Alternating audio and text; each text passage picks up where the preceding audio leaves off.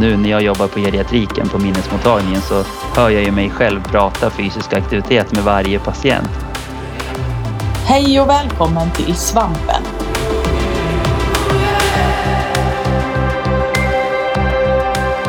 Vi är ST-rådet i Svensk förening för allmänmedicin, SVAM. Vi är ST-läkare och nyblivna specialister från hela Sverige och vi vill bidra till att föra allmänmedicinen framåt.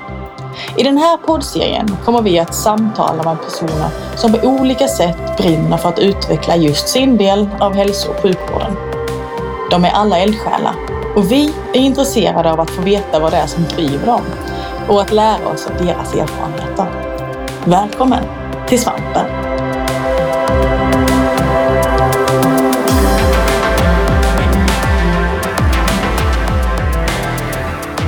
Hej och välkomna till Svampen. Eh, Jag heter Ulrika Elmroth och idag så har jag förmånen att få prata med eh, Mattias Damberg. Du är specialistläkare i allmänmedicin och eh, docent och sen så numera även överläkare på den geriatriska kliniken i Västerås. Varmt välkommen! Tack så mycket. Jättekul att ha dig här. Eh, jag har ju försökt länge att få spela in en podd med dig. Eh, för några år sedan så var det aktuellt med din intressanta forskning som du hade på din vårdcentral. Eh, men av olika slumpar så blev det inte av. Men sen så nu så korsades våra vägar igen och vi fick möjlighet att göra den här inspelningen. Och nu har det hänt en massa andra roliga saker i din karriär och i ditt, liv. Så att det kanske var lika bra för att nu får vi ännu mer intressanta saker från dig. Mm, ja, det blir jättespännande. Jätteroligt att ni vill ha mig med. Ja, jag tror att det kan vara inspirerande för många att få höra. Eh, Du har väl kanske inte den typiska eh, allmänläkarkarriären, eh, tror jag. Men vi får väl se. Du, kan inte du berätta lite grann om din bakgrund och hur du har hamnat där du är? Ja, det kan jag göra. Eh, jag eh, pluggade medicin i Uppsala eh, och gjorde sen AT i Västerås. Och under AT så ville jag egentligen bli alla olika typer av specialist, eller special, hamna i vilken specialitet som helst egentligen. Jag tyckte det kändes som att jag hörde hemma överallt. Men när jag kom till vårdcentral så kände jag direkt att jag kom hem och fick möjlighet att jobba med alla typer av patientgrupper och olika åldrar och så vidare. Trivdes verkligen med att jobba både med det lilla barnet och hela vägen upp in i ålderdomen och livets slut på äldreboende ofta. Så jag tyckte det kändes som att jag hade hamnat helt rätt. Så jag valde att börja göra min ST på en privat vårdcentral i Västerås som heter Citypraktiken. Ehm, och jag gjorde både min AT och min ST där och sen när jag blev specialist så blev jag också delägare i, i den mottagningen och det är en mottagning inom praktikertjänst. Och eh, där jobbade jag då eh, i totalt tio år drygt blev det. Trivdes verkligen jättebra som allmänläkare. Eh, tyckte om det här att bygga upp min egen lista och få en personlig relation med, med mina patienter och framförallt jobba med det här allmänmedicinska synsättet. Att se hela människan och hela familjen och anhöriga och så. Trivdes väldigt, väldigt bra med det. Så att det är väl den delen i, i allmänmedicinen som är själva bakgrunden. Kliniskt då. Mm. Sen eh, ska jag vet inte om jag ska gå vidare eller? Eh, Ja, jag kom på att jag glömde ju. Vi brukar ju alltid fråga så här, vad brinner du för? Och den frågan glömde jag. Jag var så entusiastisk att köra igång. Men Ja. det kanske passar bra att svara på det också. Ja, eh, ja, vad jag brinner för det kan ju bara vara både privat och eh, yrkesmässigt såklart. Privat känns alltid närmre. Eh, familjelivet, eh, friluftsliv, vara uppe i fjällen där vi har vårt hus i Vemdalen. Det är det som jag verkligen brinner mest för. Egentligen härligt. året om. Vara ute och vandra, springa och eh, åka skidor på vintern är ju fantastiskt. Ja, vad härligt. Ja, det kan jag hålla med om. Det är ett intresse som vi delar, du och jag. Mm. Eh, men eh, hur får du med ihop det då med eh, alla andra intressen? För det är mycket, mycket med dig. Det är jobb och forskning och, och allting. Ja, alltså på pappret ser det verkligen ut som att jag är en karriärist och jobbar hela tiden. Men faktum är att det inte stämmer, utan det har alltid funkat väldigt bra att kombinera familjeliv och, och eh, jobb, livet och karriär tycker jag. Ehm, jag fick ju min första son redan när jag läste medicin. Ehm, så att det var ju ganska tidigt. Jag läste en annan utbildning innan läkarprogrammet. Jag läste till molekylärbiolog i Uppsala. Mm. Ehm, och eh, när jag väl började studera medicin så, så fick vi vårt första barn. Och det var, har alltid varit liksom ganska enkelt tycker jag att kombinera. Det kan låta provocerande för många som kämpar men vi har haft det bra så, eh, jag och min fru, och kunnat dela på, på tider och, och hjälpts åt så att det, det, har, det har funkat bra. Och nu när barnen är äldre eh, så är det ännu enklare såklart att, att få till allting. Och när det gäller jobbet så, så, så funkar det faktiskt bra att kombinera fjälllivet med jobblivet. Mm, fantastiskt. Är det något särskilt, eh, någon hemligt tips som du skulle kunna dela med dig av? Planera ledigheten med lite längre helger är ju ett jättebra tips. Jag tycker det. det känns som att man får en lång vecka fast man kanske är uppe fyra eller fem dagar. Mm. Smart. Ja, mm. Särskilt om man har lite resväg så vill man ju kanske inte bara åka över en helg sådär. Precis, precis. Mm. Ja, men eh, ja, jag vet inte var vi ska börja här, men, för du har ju både hunnit med att forska och du har hunnit med att eh, göra intryck i regionledningen där som biträdande hälso och sjukvårdsdirektör i Västmanland och allting. Mm. Hur, hur har du hamnat in på det spåret? Nej, men det var väl mot slutet av min tid på vårdcentralen där jag kände att eh, vi blev så himla stora. När jag började på, på Citypraktiken så var vi 12 600 listade tror jag. Eh, och när jag slutade var vi över 19 000 listade. Oj. Det var ju under den här tiden man inte kunde säga nej till, till nylistning och eh, vi var en väldigt populär vårdcentral och den är fortfarande populär. Men ehm, det som hände då var ju att vi blev allt fler listade patienter och var ju då tvungna att rekrytera fler, både läkare, sköterskor, fysioterapeuter och alla eh, yrkeskategorier. Och jag insåg nog att jag trivdes bättre i det mindre formatet eh, mer än den större organisation som vi blev. Vi var ju över 50 anställda på vårdcentralen och var tvungna att skaffa nya lokaler och så vidare. Där vi delade upp oss. Där läkare och sköterskor var på en sida av vägen och på den andra sidan var fysioterapeut och BVC, MVC och kurator. Och jag tyckte vi tappade någonting där, i alla fall var det så för mig. Ehm, och jag satt ju med som delägare i ledningsgruppen på vårdcentralen och kände väl inte riktigt att jag kunde stå för den här expansionen som vi på något sätt blev tvungna att göra. Så att då valde jag faktiskt att eh, se om jag skulle göra någonting annat ett tag. Och eftersom jag hade jobbat med forskning under många, många år så, sökt, eller så blev jag faktiskt erbjuden ett jobb som medicinsk utvecklingschef i, i förvaltningsledningen för primärvård, psykiatri och habilitering i Region Västmanland. Och det var inte enkelt att tacka ja till det. Eh, för det var en sorg att säga farväl till patienterna på min ja. lista. Mm. Eh, men jag valde ändå att göra det. Eh, och som någon slags övergångsfas så jobbade jag en dag i veckan på en annan vårdcentral i Västerås, en regionsdriven vårdcentral, Viksäng-Irsta. Mm. Eh, där, ja, det var väl 300 patienter ungefär som följde med mig till Viksäng och det var de som jag egentligen brann mest för, mina äldre patienter. Ja. Eh, så att det var väldigt roligt att de valde att följa med men samtidigt var det väldigt tufft att ha en dag i veckan Eh, när jag vet att de har mycket större behov än så än att träffa mig bara just en dag i veckan.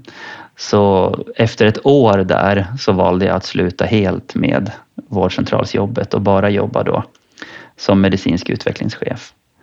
Ehm, jag har haft kvar egentligen hela tiden eh, ett eller två pass på primärvårdens jourmottagning i Västerås för att inte släppa stetoskopet eller vad man ska säga. Eh, så det har varit väldigt bra ändå. Men, men det var en, en sorg och eh, en spännande möjlighet att få börja jobba med utvecklingsfrågor på den nivån. Ja, men vad innebar den eh, tjänsten då, lite mer konkret? Ja, där var jag ansvarig för att öka forskningsaktiviteten i förvaltningen. Eh, så både att öka forskningen inom allmänmedicin men också inom psykiatrifältet som fanns i vår förvaltning. Sen var det också att delta i en hel del andra olika typer av utvecklingsprojekt och vara den som, som drev det oavsett om det var forskning eller inte. Så att det var väl egentligen övergripande så. Ja, just det. Ja, men vad bra att det tillsattes en sån tjänst just med det syftet att öka bland annat forskningen inom primärvården. Mm. Och rent konkret, hur eh, jobbade ni med det då? Ja, det som var var ju som det alltid är, att det är problem med ekonomin. Eh, och eh, under en tid där i början så, så hade jag det här uppdraget men kände mig ganska så bakbunden eftersom det inte fanns några pengar att satsa på forskning. Mm. Så att jag vet att jag tog upp med förvaltningsdirektören att ska vi ha kvar det här uppdraget så måste vi också göra någonting åt det. Och i och med det så, så lyckades vi faktiskt tillsätta två doktorandtjänster som jag blev huvudhandledare för. En fysioterapeut från vårdcentral och sen så var det en psykolog från vuxenpsykiatrin mm. som jag blev huvudhandledare för. Eh, men båda var egentligen primärvårdsprojekt. Ehm, och parallellt med det så gjorde vi en, en eh, satsning på att öppna en akademisk vårdcentral. Mm. Så genom vårdvalet så jobbade vi ganska hårt med att få till en struktur och ett uppdrag för en akademisk vårdcentral. Ehm, men det var väldigt svårt. Vi, vi fick till det här, vi fick ekonomi för det via vårdval, men det, var, det föll nästan på att ehm, eller jag tror att det föll på att det var ju en vårdcentral som var akademisk vårdcentral och sen hade vi väldigt få som var intresserade av forskning på de alla andra vårdcentralerna. Mm. Eller rättare sagt kanske man var intresserad men det fanns inte strukturen för att, att ha avsatt tid för det. Så att det blev inte så bra satsning som vi, som vi trodde från början så att den lades ner faktiskt. Mm. Eller lades på is så får vi se vad som händer framöver. Mm. Ja, det är säkert ingenting som är unikt för Västmanland att, eh, att det är så att det är svårt att få igång forskningen, eh, inte minst på vårdcentralerna. Eh, men hur skulle du göra då, rent här, om du fick börja mm. om och form, utforma det här själv på egen hand? Vad är det som mm. krävs då, om man tänker lärdomar? Ja, jag tänker att jag har funderat jättemycket på det, för det är en av de frågor som jag brinner för i yrkeslivet. Är ju att öka forskningsaktivitet i primärvård och egentligen tänker jag att man måste börja med att fundera på om vi ska fortsätta med den här specialitetsindelningen med allmänmedicin, geriatrik, eh, ortopedi till exempel. Det är ju väldigt mycket eh, forskningsanslag som riktas till ett ämne mm. mer än att det riktas till en målgrupp. Och vi som allmänläkare vet ju att vi möter ju alla målgrupper i vårt jobb. Men även på andra kliniker som där jag jobbar nu då på geriatriken så är det ju precis samma målgrupp som på vårdcentralen bara att de är lite svårare sjuka. Mm. Ehm, och även inom vuxenpsykiatrin finns det målgrupper som finns på vårdcentralen. Så att jag tänker att de forskningsfinansiärer som finns behöver rikta om sig lite grann, behöver liksom rikta sig till målgrupper istället för att rikta pengar till en specifik specialitet. Ehm, för där ligger ju allmänmedicinen efter. Det är ju väldigt mycket mindre forskningspengar som finns för rent allmänmedicinsk forskning jämfört vad det, vad det finns för internmedicinsk eller kirurgisk eller någon annan. Så ja. jag tror ja. att det är en viktig del som faktiskt hämmar allmänmedicinsk forskning. Ja, verkligen. Och det är lätt att det blir en så här äh, självuppfyllande profetia också. För om jag har förstått det rätt så inom forskningsvärlden så, jag menar, man Eh, etablerar sig och visar vad man går för och så vidare. Och då är det lättare att få nya anslag. Så då mm. blir det ju liksom en självgående spiral på något vis. Eh, och är man ny där så är det ganska svårt att, att komma in, för man har inte något att visa. Och sen så får man inte anslag för att man är ny. Eh, och så. Det är precis så. Mm.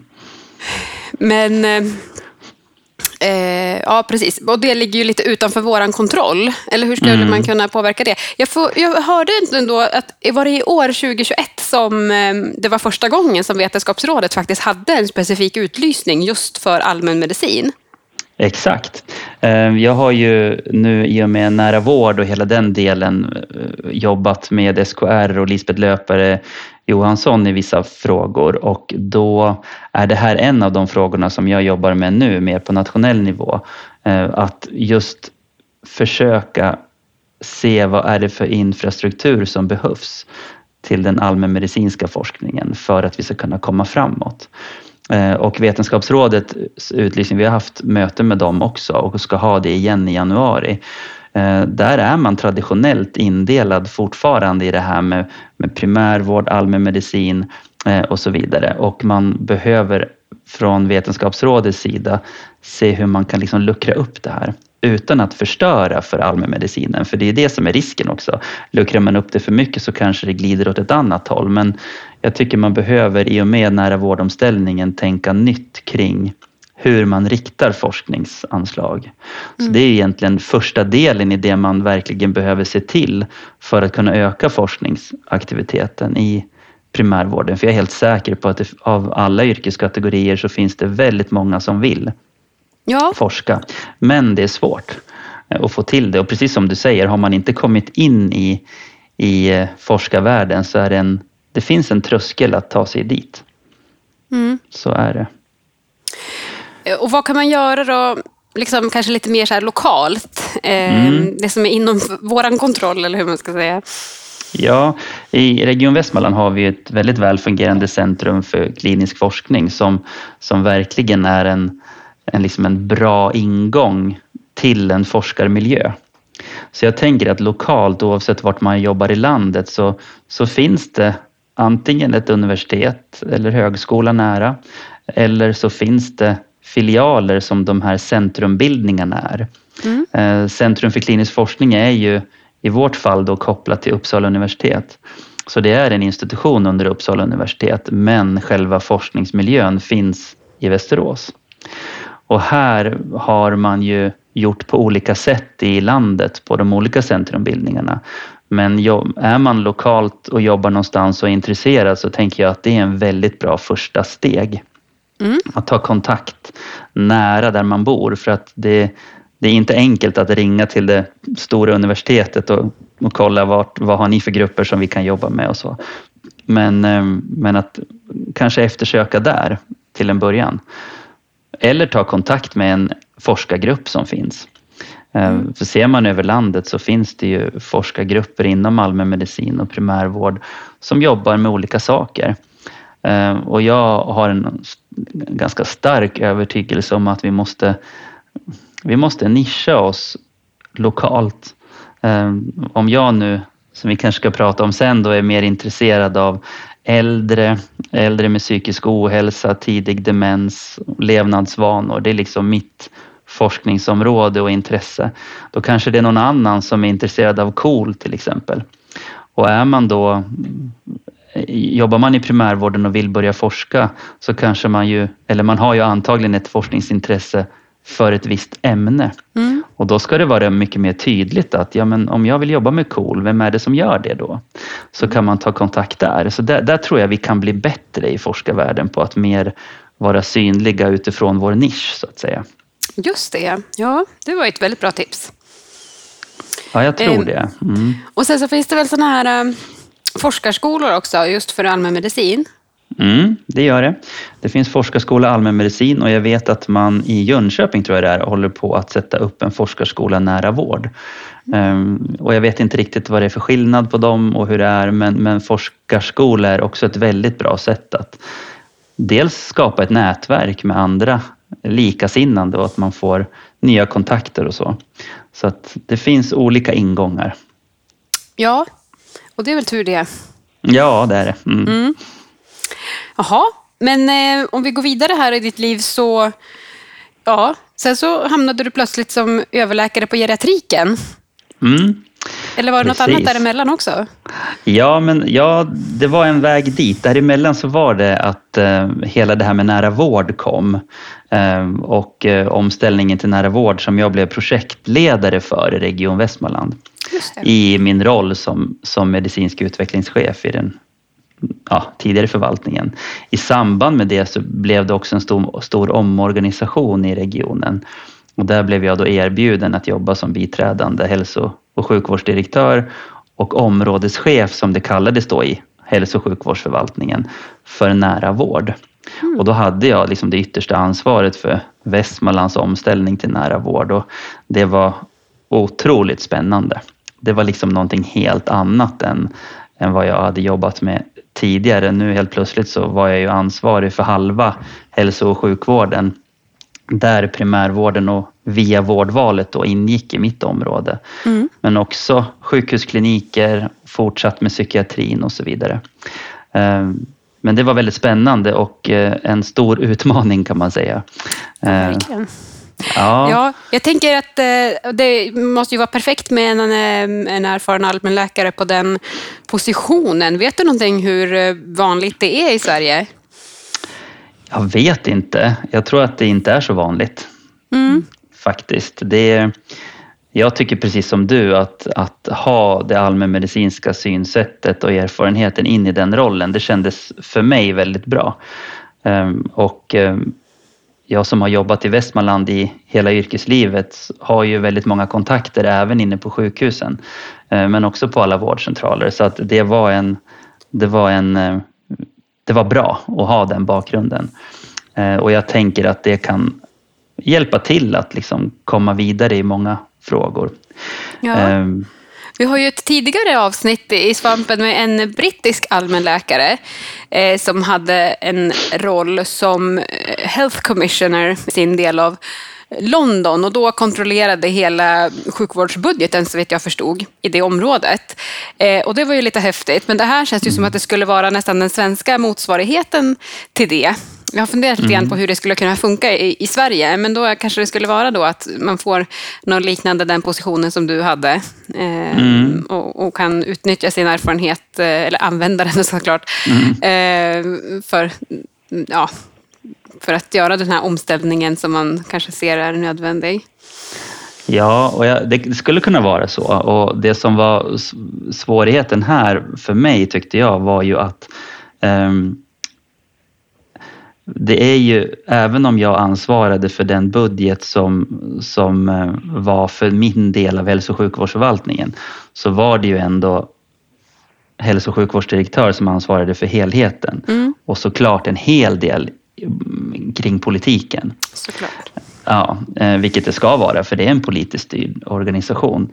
Men svårigheten när det gällde omställning till nära vård är ju att det finns inga nya pengar i systemet utan pengarna behöver ju omfördelas från slutenvårdsklinik till öppenvårdsklinik eller hur man vill definiera det. Mm. Om det då är så att det ska gå direkt till vårdcentralerna eller om det ska gå till arbete med att möta upp patienterna mer nära hemma till exempel med mobila team så måste ju pengarna komma någonstans ifrån. Och eh, i en underfinansierad budget som, som faktiskt det är i de allra flesta regioner så finns det ju inga pengar att fördela om. Utan vi har ju underskott att jobba med. Mm. Så att det var, det var en, och är tycker jag, en, en utmaning ekonomiskt att kunna få till det. Mm. Sen har ju vi väldigt fina statsbidrag som är riktade för utveckling av nära vård och därav har ju vi haft möjlighet att satsa på väldigt stora kostsamma utvecklingsprojekt. Men när de utvecklingsprojekten det var i alla fall min inställning, att de pengarna ska användas för att starta upp eh, projekt. De ska också genomföras och sen utvärderas och helst också vetenskapligt utvärderas mm. och därefter föras in i ordinarie budget. Och det är då först själva förflyttningen av medel måste, måste till så att säga. För man kan ju inte finansiera nya arbetssätt med statsbidrag det går inte utan man kan finansiera utvecklingsarbete men inte i nästa steg. Så att eh, där krävs det ju, tycker jag, tidigt att man redan nu tänker på hur ska vi sen då finansiera det vi jobbar med just nu och vart ska de pengarna tas ifrån? Ehm, det är inte enkelt. Nej, nej, just det där är väl en vanlig kritik av det här systemet, att det blir väldigt många projekt men inte så mycket i förvaltning sen kanske. Precis. Och samtidigt så måste vi starta alla dessa projekt för att komma någon vart och liksom få den här bollen i rullning när det gäller omställning till nära vård. Ja, se vad som funkar och så. Men eh, ja, det här med nära vård kan ju vara lite luddigt också vad det ens innebär. Mm. Eh, vad innebär nära vård för dig? Oj, ja det är en sån jättestor fråga som, ja. är, som är svår för alla, men det borde man kunna svara på om man har varit områdeschef nära vård. uh, nej, men för mig, jag tror det betyder väldigt olika för, för väldigt många olika personer, men för mig så handlar, ju, handlar det väldigt mycket om relation mellan patient och vårdpersonal och egentligen väldigt mycket på det sättet som jag har sett min patient-läkarrelation genom åren. Att försöka vara tillgänglig, att försöka vara väldigt nära patienten, att jobba med hembesök, kanske i utökad utsträckning. Men att man gör den förflyttningen för hela hälso och sjukvården. Så att man som invånare kan känna sig trygg, kunna få en hög avancerad sjukvård hemma eller väldigt nära hemma. Att slippa åka så långt och att kunna jobba mer med digitala verktyg. Att både övervaka patienter ehm, på ett sätt men också att kunna erbjuda besök faktiskt via, via nätet eller via digitalt. Så väldigt mycket relation, fördjupad relation men, men erbjuda vården närmare hemma. Ungefär så mm. är det för mig med nära vård. Ja, ja, det här med relationskontinuitet är väl något som ligger oss allmänläkare varmt om hjärtat. Mm. För de flesta i alla fall tror jag.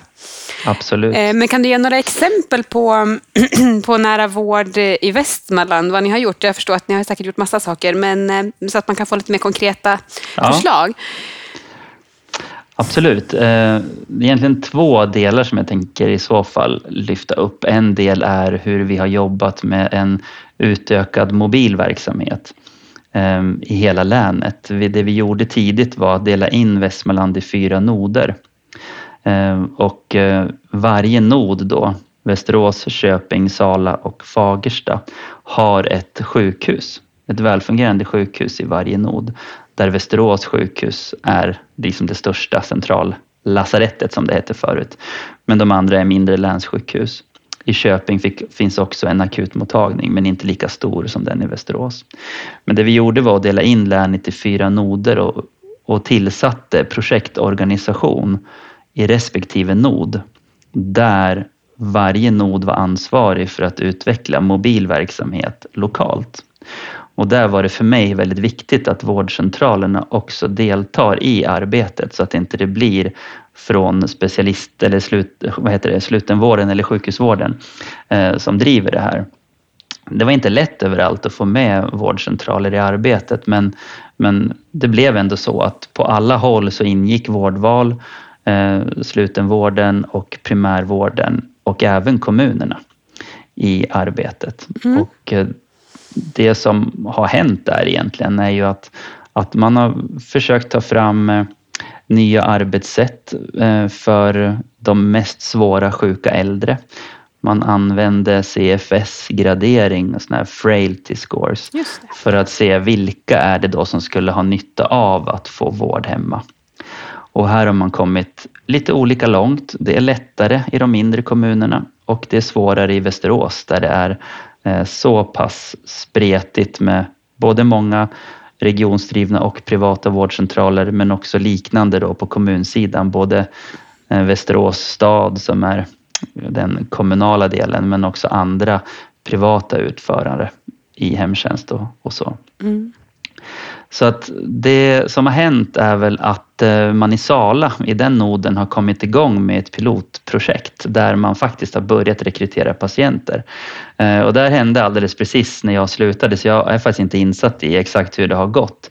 Men det är väldigt roligt att fått varit med på den här resan, att lägga strukturen, bygga upp den här ganska komplexa eh, projektorganisationen. Och jag jobbade väldigt mycket med relation till kommunerna. Mm. Eh, för här ligger vi långt före i regionen. Vi har en helt annan förståelse eh, än vad man har i kommunerna för hur själva vården skulle organiseras kring patienten. Så.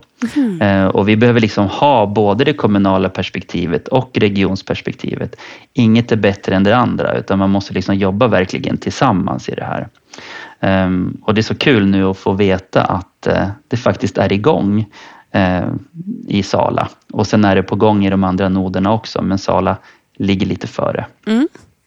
Mm. Så det är väl en, ett liksom bra exempel tycker jag på nära vård. Och, och som jag sa tidigare så tycker jag att själva genomförandet också måste utvärderas. Och det, där har vi till vår hjälp Dag Norén som är, in, som är expertkonsult i just att utveckla mobil närvård. Han finns med i Västmanlands arbete för att göra det här och kunna också titta på följeforskning. Så det känns väldigt spännande. Mm. Eh, ja, det var väl den ena delen och sen tycker jag, det jag la väldigt mycket tid på i min förra roll var att besöka alla kommunstyrelser, politiska grupper eh, i alla Västmanlands kommuner. Och det var jättespännande verkligen. Det är inget man gör annars utan det var ju någonting ganska nytt för mig. Och det roliga med det var att eh, överallt, vart vi än kom, så ville man det här. Mm. Eh, man ville jobba tillsammans och man ville vara inbjuden tidigt. Eller man ville inte ens vara inbjuden utan man ville vara med som de som bjuder in. Ja, och det tyckte jag var fantastiskt.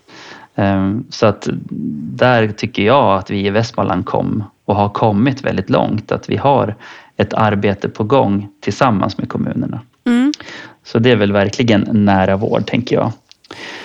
Eh, mer ämnesinriktat så tänker jag också vår satsning på äldrepsykiatri är ju definitivt ett nära vårdarbete. Vi har inte haft i Västmanland ett så bra omhändertagande för äldre med psykisk ohälsa. Eh, vi har ju en stor del av våra äldre på vårdcentralerna som har problem med depression, ångest, annan psykisk ohälsa. Men vi har på vårdcentralsidan känt, känt oss ganska ensamma i det vuxenpsykiatrin har inte kunnat möta upp med, med resurser för att ta hand om den här patientgruppen. Och geriatriken har ju specifikt mer minnesutredning, demens i sitt uppdrag. Men såklart också samsjuklighet. Men när det handlar om psykisk ohälsa så blir det vårdcentralen och det kanske också ska vara vårdcentralen.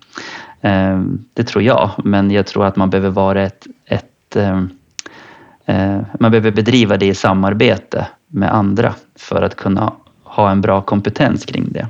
Mm. Så att det vi gjorde tidigt när jag tillträdde var att eh, vuxenpsykiatrin fick i uppdrag att skapa en äldrepsykiatrisk mottagning och i det också eh, lägga upp en forskningsintegrering. Så att mottagningen ska vara en forskningsmottagning men likväl en klinisk mottagning som vilken som helst. Och här ska man då kunna remittera patienter som är äldre, över 65 år, med psykisk ohälsa och kanske samsjuklighet. Så att arbetet är en, ett samarbete mellan primärvården, geriatriken och vuxenpsykiatrin. Mm.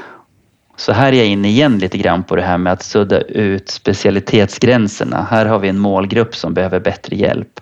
Eh, och det finns jättemycket att göra för den målgruppen. Mm. Och jag tror inte respektive specialitet klarar av det själv utan vi behöver göra det här tillsammans. Och med våra kommuner.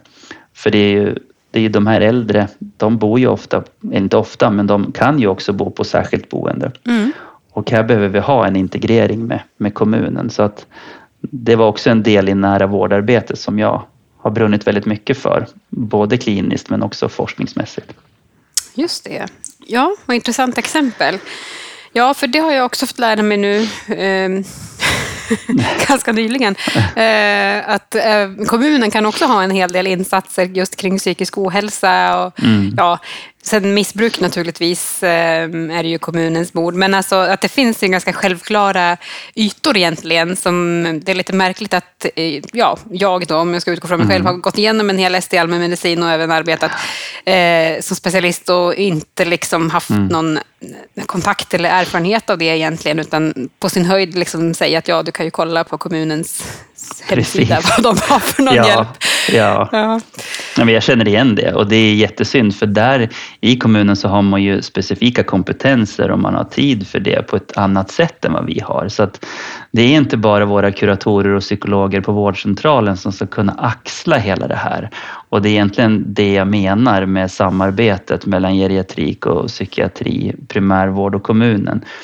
Det finns väldigt många som, som skulle kunna vara med i behandlingen av äldre med psykisk ohälsa. Det handlar ju väldigt mycket om depression hos äldre. Eh, och eh, där finns det hjälp och, och, riktlinjerna säger att vi ska jobba med, med psykologisk behandling först och inte läkemedel. Men vi vet att väldigt, väldigt få äldre får psykologisk behandling och så erbjuder vi SSRI oftast då, mm. eh, vilket inte är rätt. Eh, så att jag tänker att ska, kan vi göra det här tillsammans på ett nytt sätt så tror jag vi kan nå den här målgruppen på ett, på ett bättre sätt. Mm. Spännande. Eh, mm. jag har läst också att eh, ni har jobbat med kommunerna ihop med det här med att ha samma journal. Mm, precis. Och det ja, kanske var, kan vara extra konkret eh, mm. till nytta när man sitter på vårdcentralen och ja, inte vet jag, ska ronda sjukhem och sånt. Mm. Absolut. Det, det har ju varit en brist i alla år egentligen att vi inte har vetat vad de gör på andra sidan så att säga. Både för, mot sjukhuset eh, men också mot kommunerna. Eh, vi fick ju gemensam elektronisk journal för många år sedan eh, och det var ju Cosmic, eller är Cosmic som vi har mm. hos oss. Och för ett par år sedan tror jag det är så gick Västerås stad också in i Cosmic.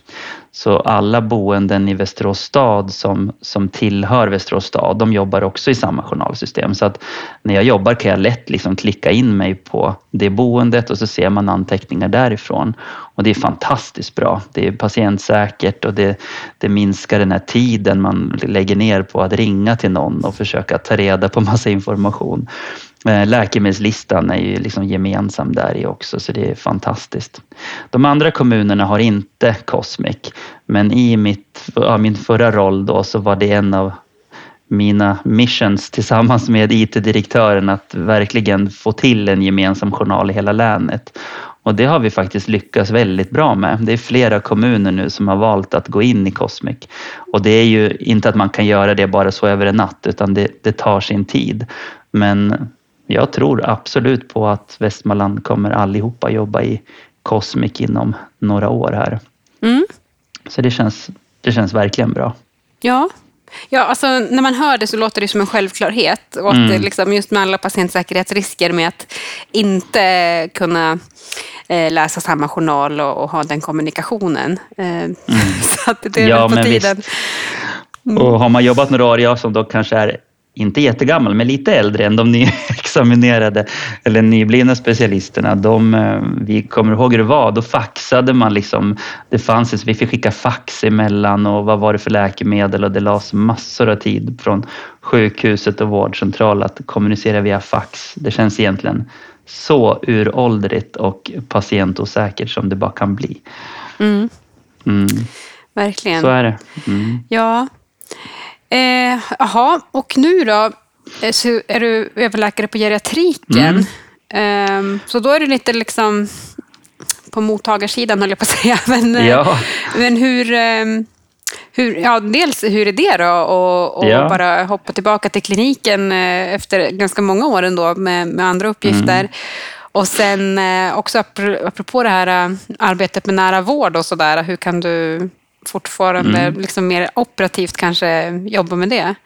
Ja, nej men det var ju så att under tiden som biträdande hälso och sjukvårdsdirektör så saknade jag patientarbete så otroligt mycket. Um, hade väl kanske inte riktigt tid att tänka på hur mycket jag saknade men det växte ändå fram och jag insåg hur roligt jag tyckte det var på jourmottagningen eh, och träffa patienter som jag gjorde ett par gånger i månaden där och tänkte att nej, men det är då jag mår som allra bäst, när jag har patienter. Så att det kom väl, det var inte heller ett lätt beslut att lämna det jag gjorde, för jag trivdes med det också. Men kände väl att jag har ungefär 20 år kvar att jobba. Eh, ska jag jobba administrativt i 20 år till nu? Det, vill jag inte. Mm.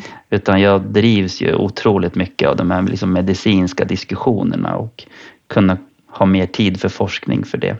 Så att under våren här i år så, så bestämde jag mig för att nej, men jag måste gå tillbaks till patienterna i år. Annars så kommer det bli för långt hopp. Liksom. Mm.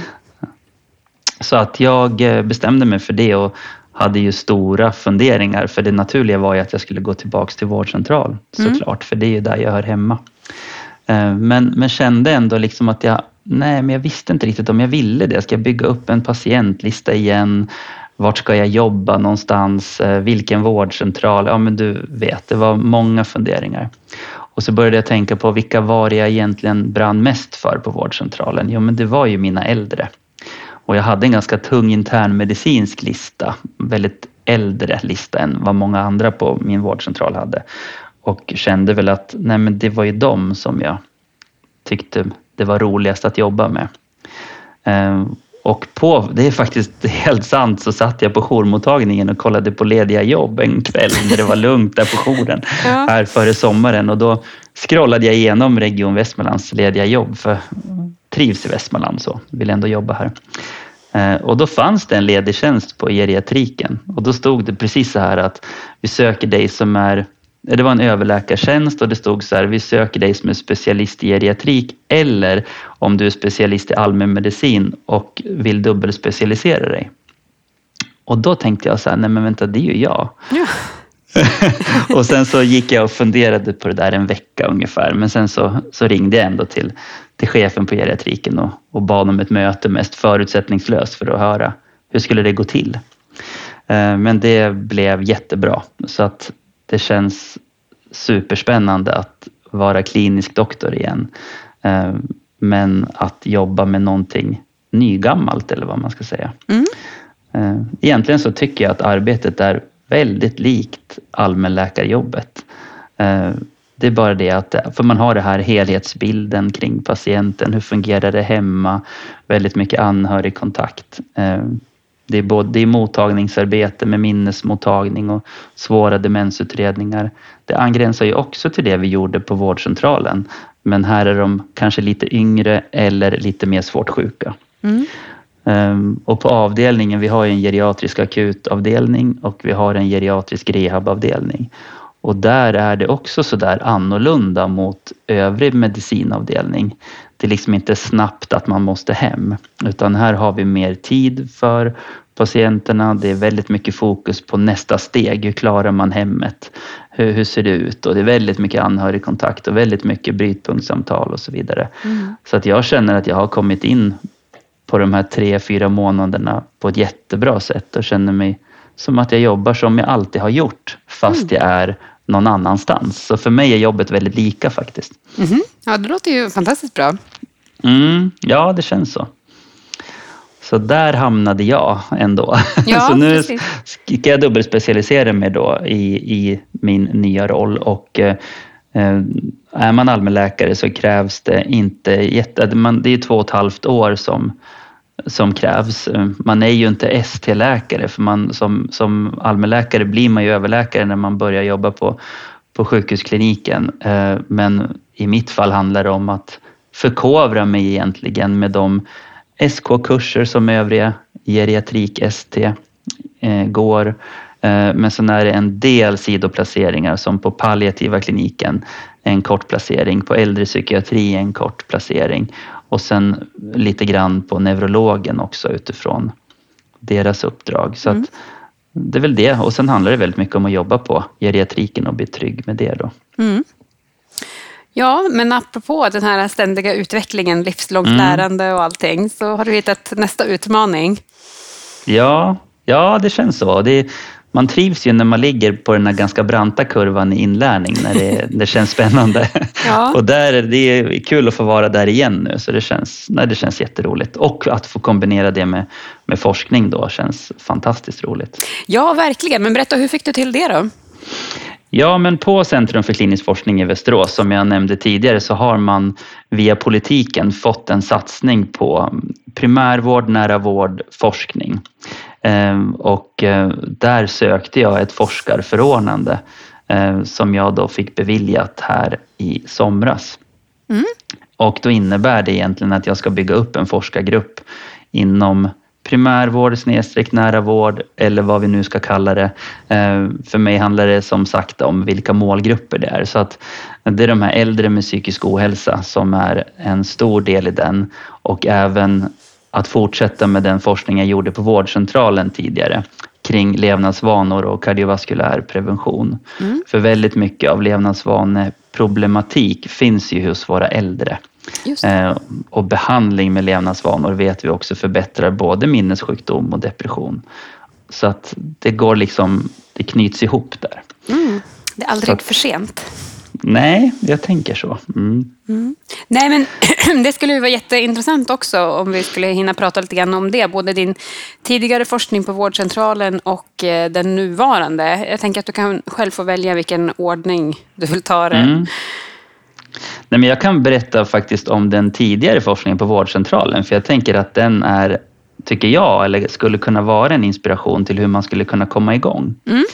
För eh, det som, som jag jobbade med då och gör fortfarande då, det är ju det här med eh, hur kan vi, vad kan vi påverka själva för att må bättre i sin sjukdom?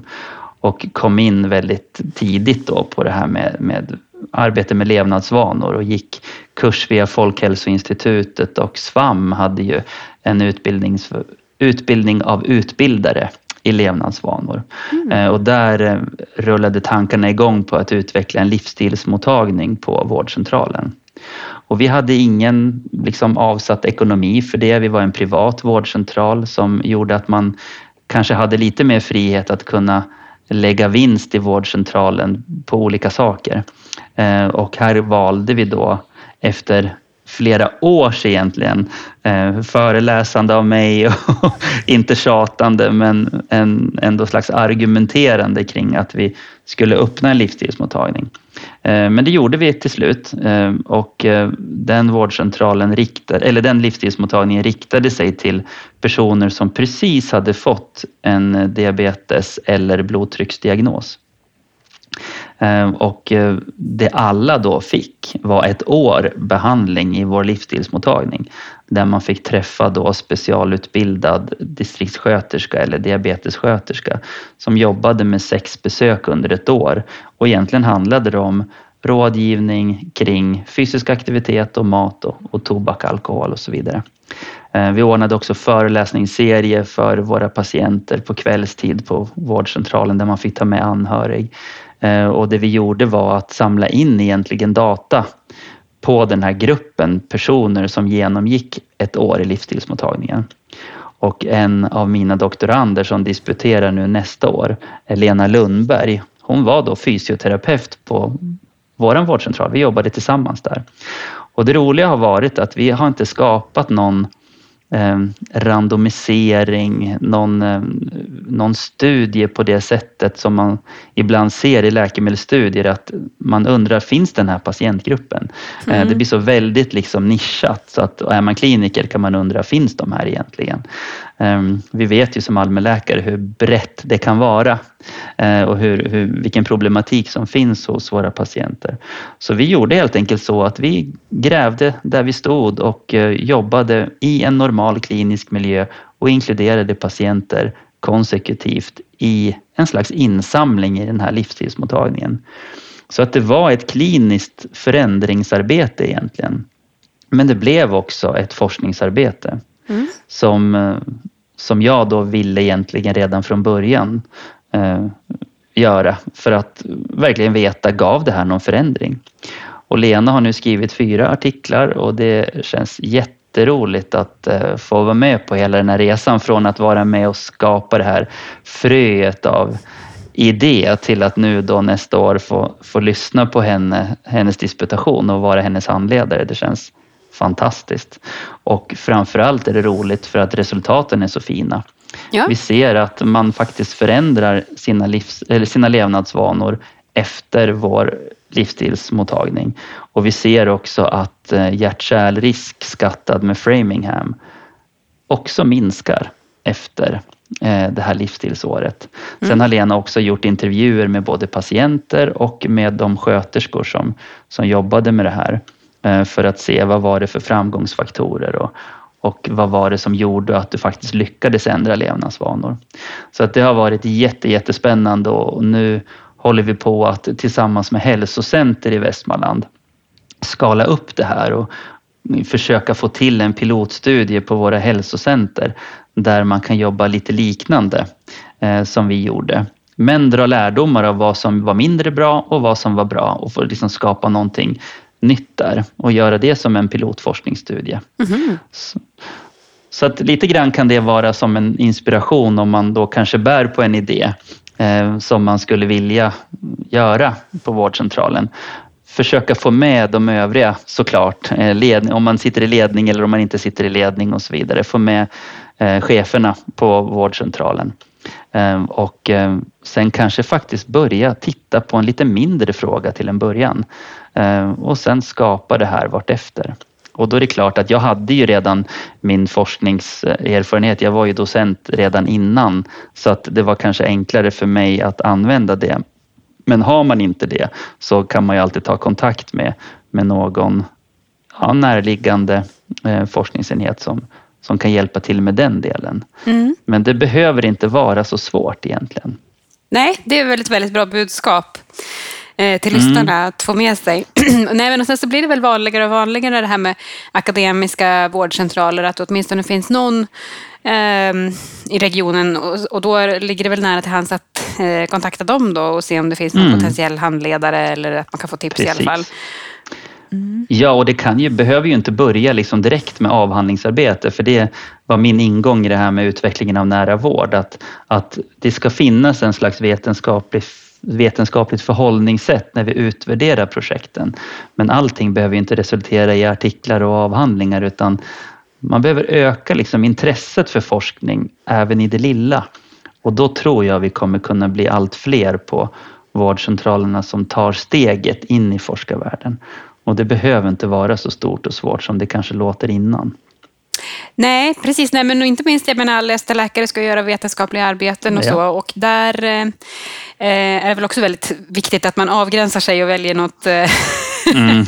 inte alltför stort område. Nej, eh, och så, mm. men eh, som är hanterbart och relevant i, i ens egen vardag. Det är ju jättespännande mm. att faktiskt få forska med sina egna patienter. och det är ju lite som du säger, det är det som är verkligheten. Alltså, mm. Det är det vi behöver när vi, när vi sitter där med våra patienter. Vi behöver ju forskningsresultat som är applicerbara på dem.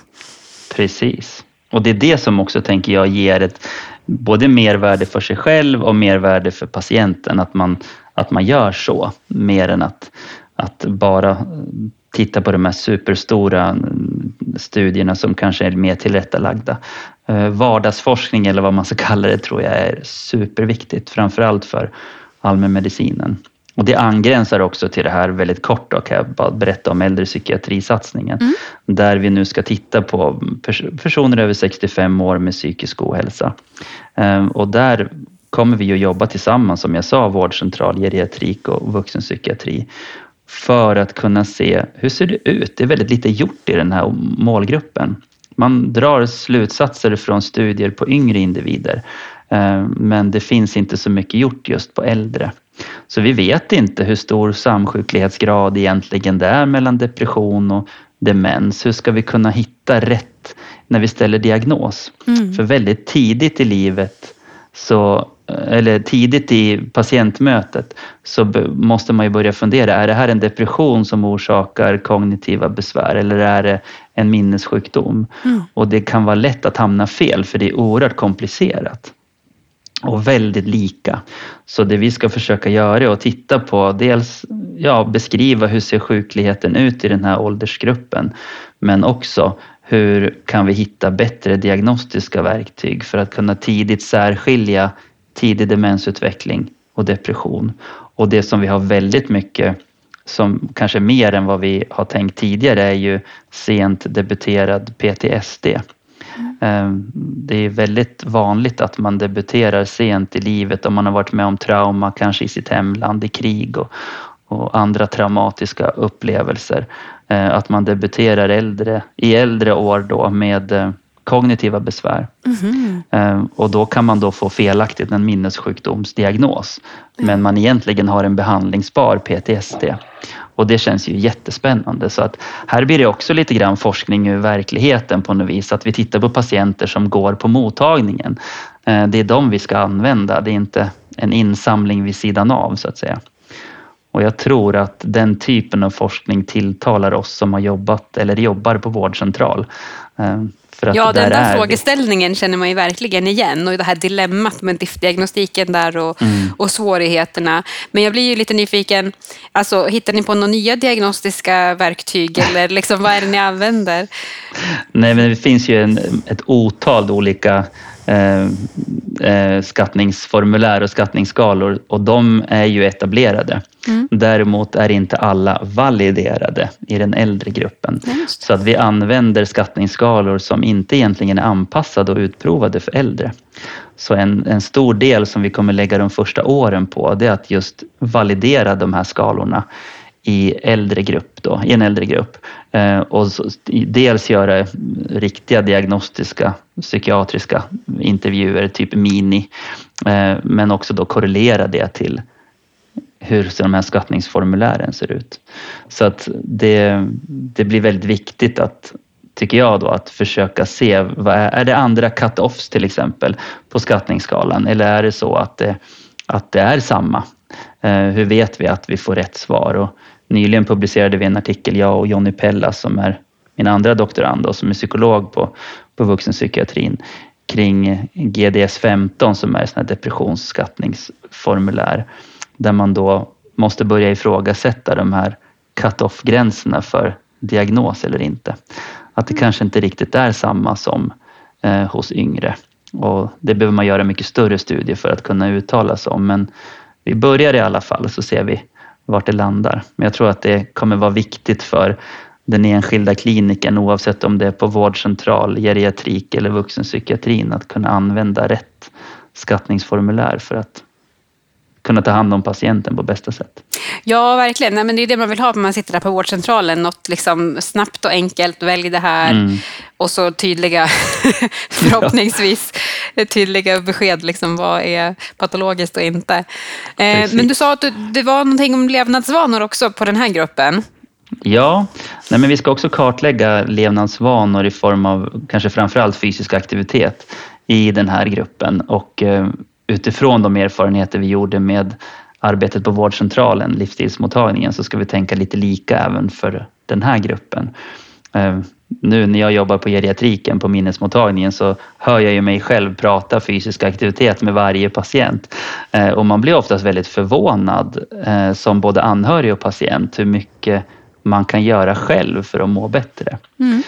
Och det blir oftast väldigt positivt när man börjar prata om regelbundna promenader och så vidare att de själva känner att de är ju i en sjukdomssituation som de har väldigt lite Alltså man kan ju påverka den väldigt lite när man väl har fått sin minnessjukdom. Men när, när du använder regelbunden fysisk aktivitet så både mår du bättre men det kan också påverka kognitionen.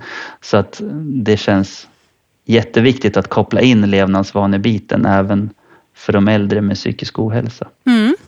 Ja, verkligen. Ja, men och alkohol och allt möjligt. Absolut. Mm. Ja, ja, visst, visst. Hmm. Mm. Ja, men jättespännande. Verkligen intressant. Vi kanske får äh, återkomma när ni har fler resultat. Gärna. Mm. Mm. Är det något annat som du skulle vilja förmedla nu till lyssnarna? Eh, vad svårt. Nej, jag tror inte det. Jag hoppas att eh, jag har kunnat inspirera till att komma igång med lite mer forskning på vårdcentral för jag tycker det känns jätteviktigt att öka det verkligen. Eh, och framförallt att det behöver inte vara så superstort steg att komma igång. Eh, jag tänker det är viktigt och att våga ta kontakt eh, med mig om man är i, i Mellansverige men i övrigt så, eller egentligen kan man ju handleda på distans också men ofta har man ju en, en lokal forskningsanknytning någonstans. Ja. Så jag tror det är viktigt. Mm. Mm. Verkligen. Ja, jag har blivit inspirerad och eh, vi kanske får se fler allmänläkare som hälso och sjukvårdsdirektörer framöver. Eh, det hoppas jag. Mm. Fler eh, som gör eh, kliniknära forskning på vårdcentralerna och vågar hoppa på lite olika karriärvägar. Så. Det var verkligen eh, många intressanta bitar i det här samtalet. Så tack, tack. så mycket. Vi fick till det tack efter själv. några år och det var väldigt bra. Ja, verkligen. Ja, men jättetrevligt. Tack så mycket för att ni ville ha mig med. Ja, men eh, då får vi väl säga tack till lyssnarna och eh, ha det så bra. Så hörs vi snart igen. Tack så mycket. Hej, hej. Hej, hej.